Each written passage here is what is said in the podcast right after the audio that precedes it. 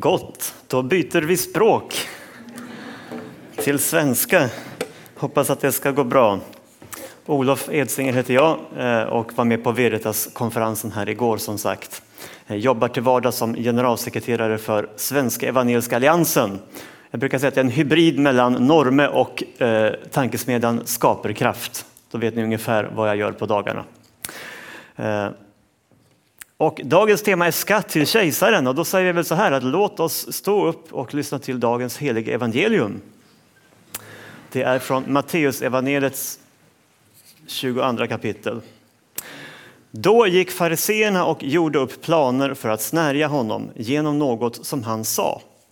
De sände sina lärjungar till honom tillsammans med herodianerna för att säga Mästare, vi vet att du är ärlig och lär ur sanningen om Guds väg och inte tar parti för någon utan behandlar alla lika. Så säg oss nu, vad anser du? Är det tillåtet att betala skatt till kejsaren eller inte? Jesus märkte deras ondska och sa, varför prövar ni mig, era hycklare? Visa mig myntet som skatten betalas med.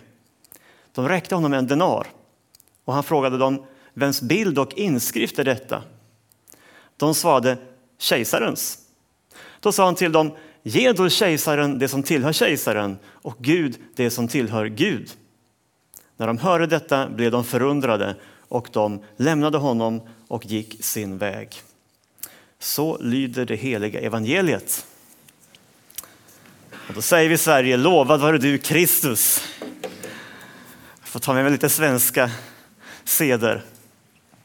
Vi ber en bön. Jesus, vi tackar dig för den här söndagen tackar dig för de här texterna vi har lyssnat till.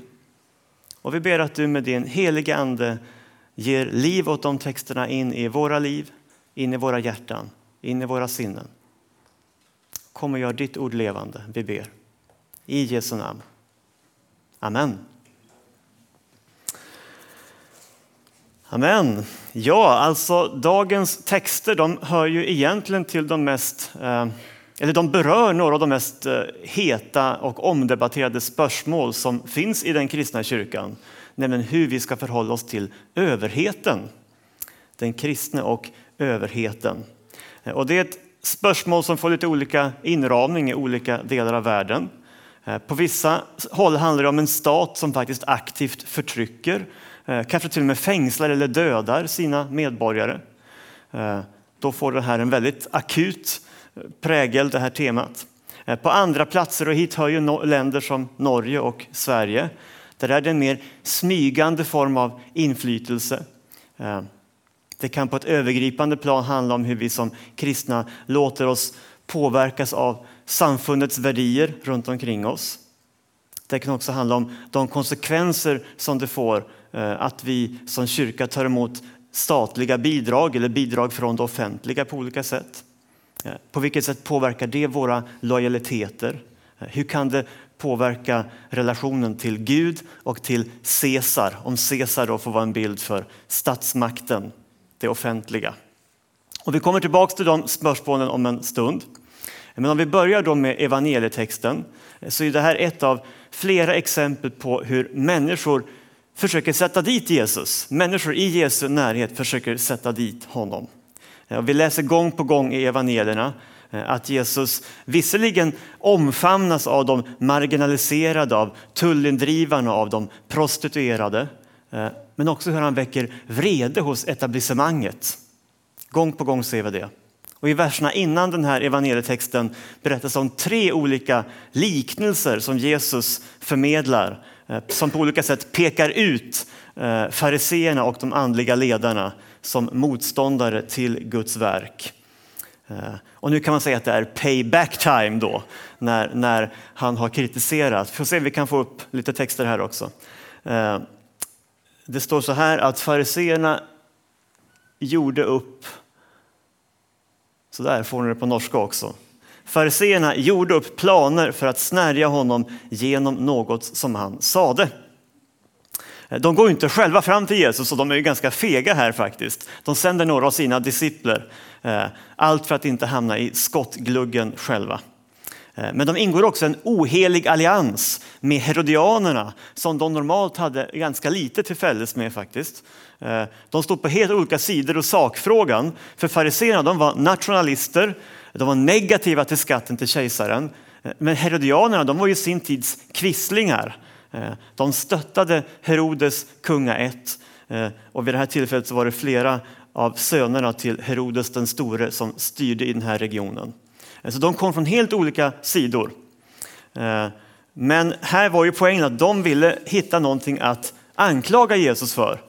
Och då kan man ju även använda sig av falskspel och hyckleri. Och de smilar in så här och säger, jag vet inte var jag ska rikta den här men annars får du ta över eh, där nerifrån. Eh, varför prövar eh, Mästare, vi vet att du är ärlig och lär ut sanningen om Guds väg och inte tar parti för någon utan behandlar alla lika. Det är vad de säger. Men de är ju inte ett dugg intresserade av att få reda på vad som är Guds väg. Eh, de vill att Jesus ska dra på sig antingen folkets vrede eller de styrandes vrede. Så det är ju win-win. Hur han än svarar så sätter de dit honom, tänker de. Eh, men som så ofta annars så krånglar Jesus sig ur den här fällan som är gillrad för honom. Eh, varför prövar ni mig, era hycklare? Eh, säger han. Och så uppmanar han dem att visa ett romerskt mynt. Och så kommer de här berömda orden. Ge då kejsaren det som tillhör kejsaren och Gud det som tillhör Gud.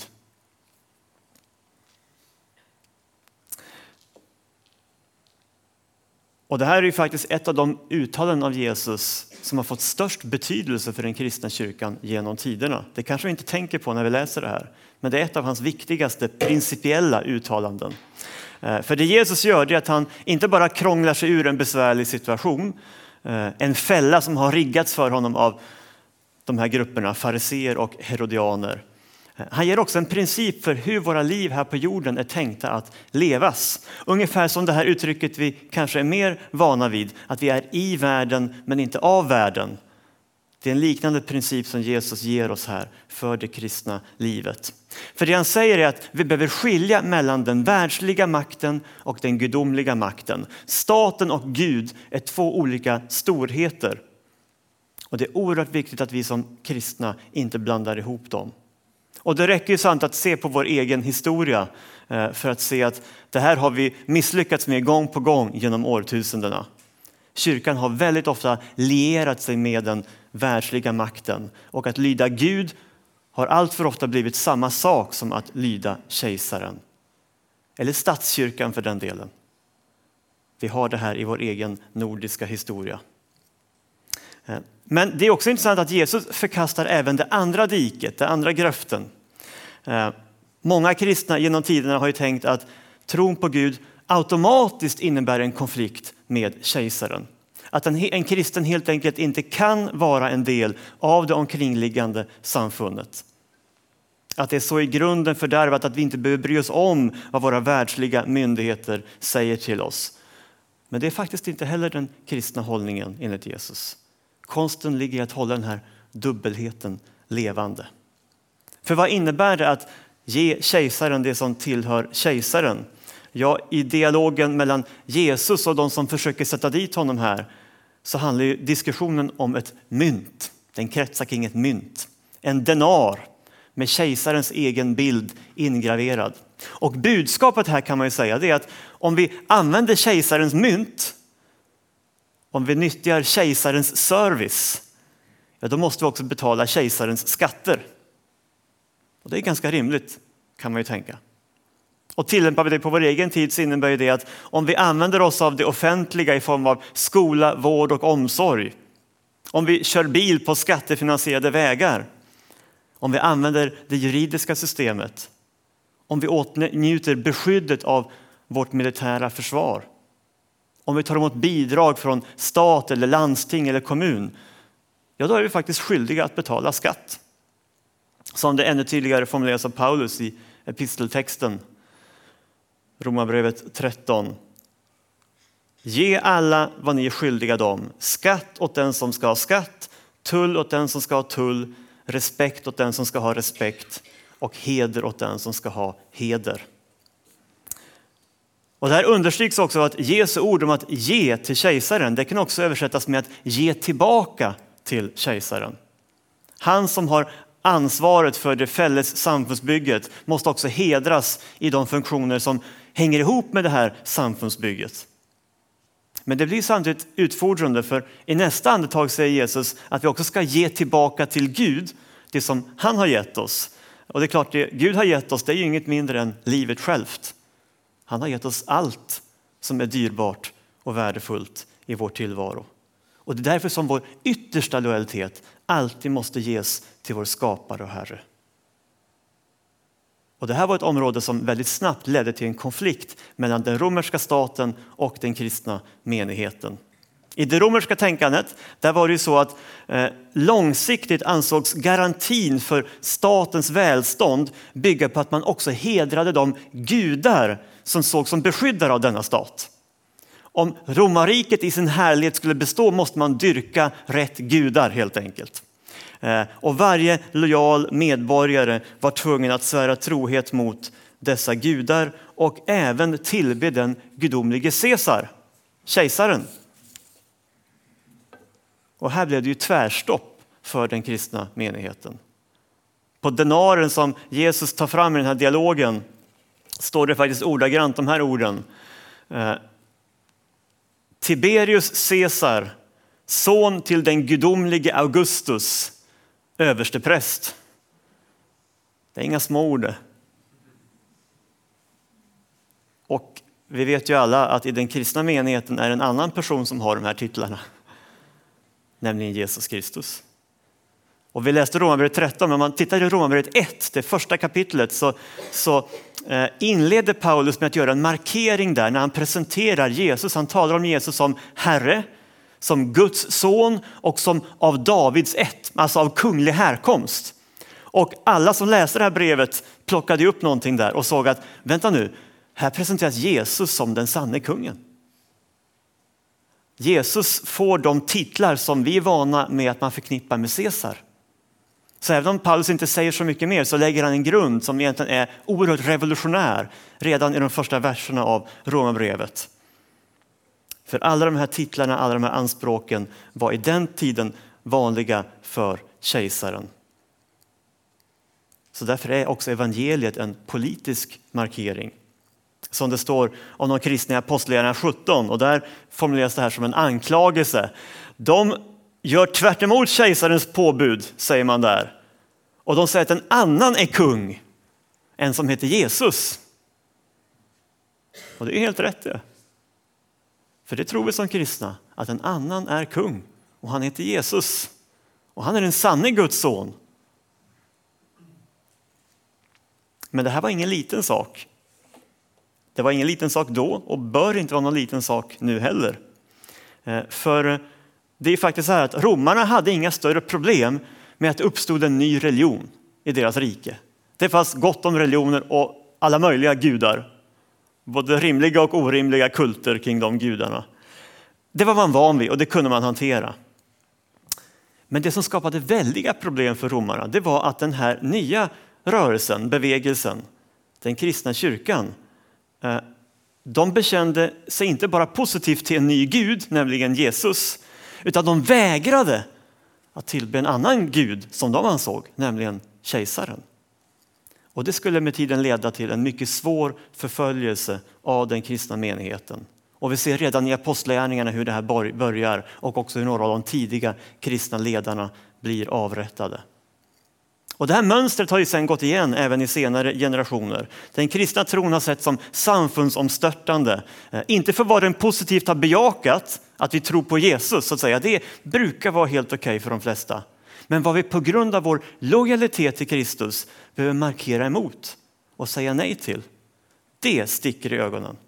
Och I fornkyrkan handlade det om sådana saker som kejsarkulten.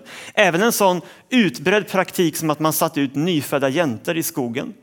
Ni vet väl det? Första flickan, jäntan, fick ofta leva. Sen var det normalt så att man lät dem dö, nyfödda flickebarn.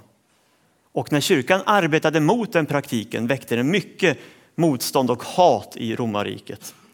Eh, I kommunistländer som Kina eller Nordkorea handlar det både idag och tidigare under 1900-talet om att man skulle faktiskt också där tillbe kejsaren, den gudomlige Mao eller som nu den gudomlige Kim Jong-Un. Än idag är det en högaktuell fråga i de länderna. Och vi kan ställa oss spörsmålet, hur ser det ut för oss idag? Vad kan du och jag behöva dra en gräns för? Kanske aktivt säga nej till på grund av vår lojalitet till Kristus. För även i västvärlden finns det eh, politiskt korrekta ideologier som vi förväntas böja knä inför. Går vi några decennier tillbaka var det ju även här kommunismens röda fana som svingades överallt och som alla förväntades mer eller mindre sympatisera med. Idag är det väl snarare prideflaggan, eller hur? Som har samma roll som vi förväntas svära fullständig trohet och lydnad emot. Och det är få saker som väcker sån vrede i den sekulära kulturen när vi som Guds folk problematiserar de här ideologier. När vi inte vill böja knä inför pride-ideologin. Eller den fria aborten för att nämna ytterligare en sån här rött skynke. Och det är intressant att det är egentligen samma fråga som i det tidiga församlingen med flickebarn när man satt ute i skogen. I, i, I Norden gör vi det lite tidigare, men det är i viss mån samma princip som är verksam. Och nu som då är det när vi som kristna bestämmer oss att dra en gräns, att säga nej till någonting som Caesar har påbjudit, som problemen uppstår. Eh, och jag tror att, att, att vi i vår tid ser ganska tydligt att det är just synen på sexualiteten som har blivit det här området som ständigt skapar den här friktionen. Vad vi positivt bejakar är helt okej, okay, men när vi också säger nej till samfundets anspråk i de här områdena, då leder det till konflikt. Och kanske på sikt får vi räkna med också ännu mer tydlig förföljelse, även här i Skandinavien. Och det första tydliga steget i en sån utveckling kommer väl rimligen handla om just de offentliga bidragen. I Sverige har vi redan sett att allt fler menigheter, allt fler kristna organisationer nekas diverse bidrag, åtminstone på kommunal nivå i nuläget, på grund av deras övertygelse i spörsmål kring äktenskap och samliv. Och jag vet att det finns liknande tendenser här i Norge.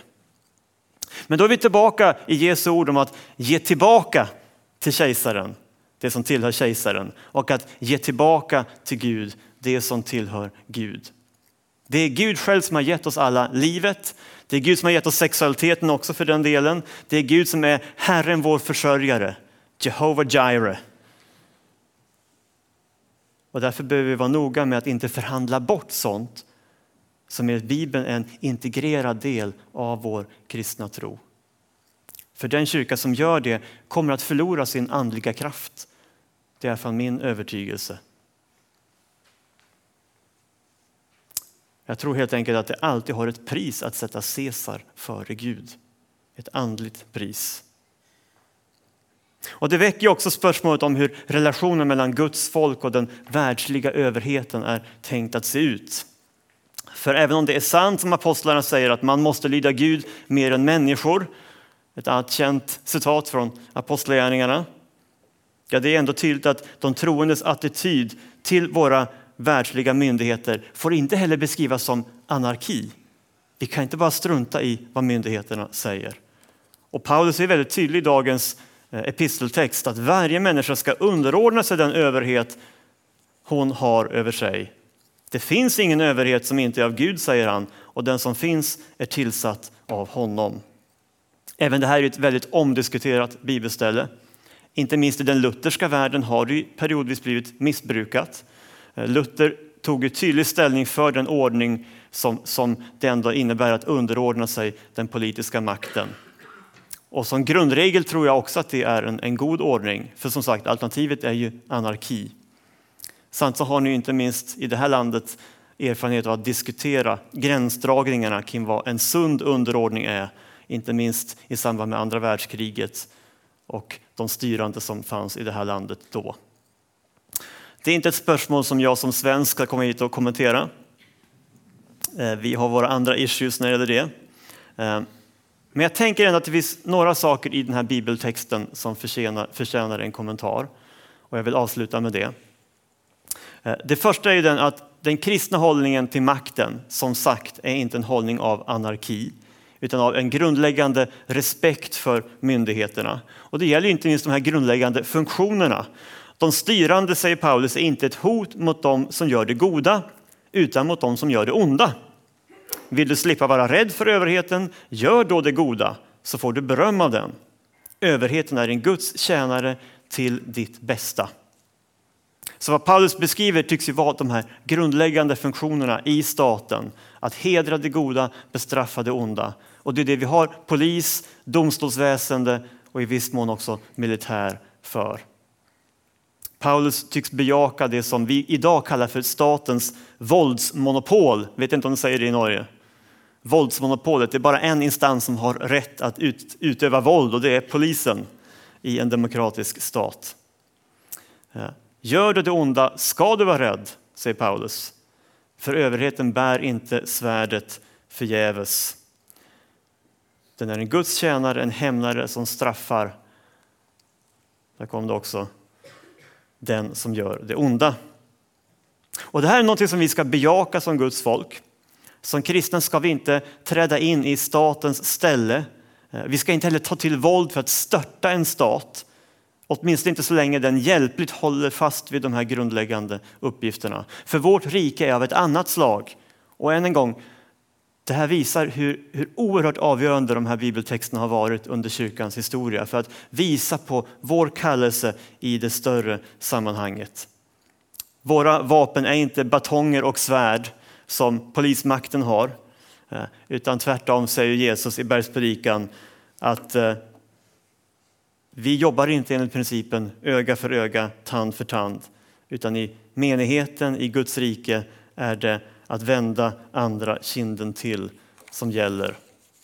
Oerhört utfordrande naturligtvis, men ett vittnesbörd om ett annat rike.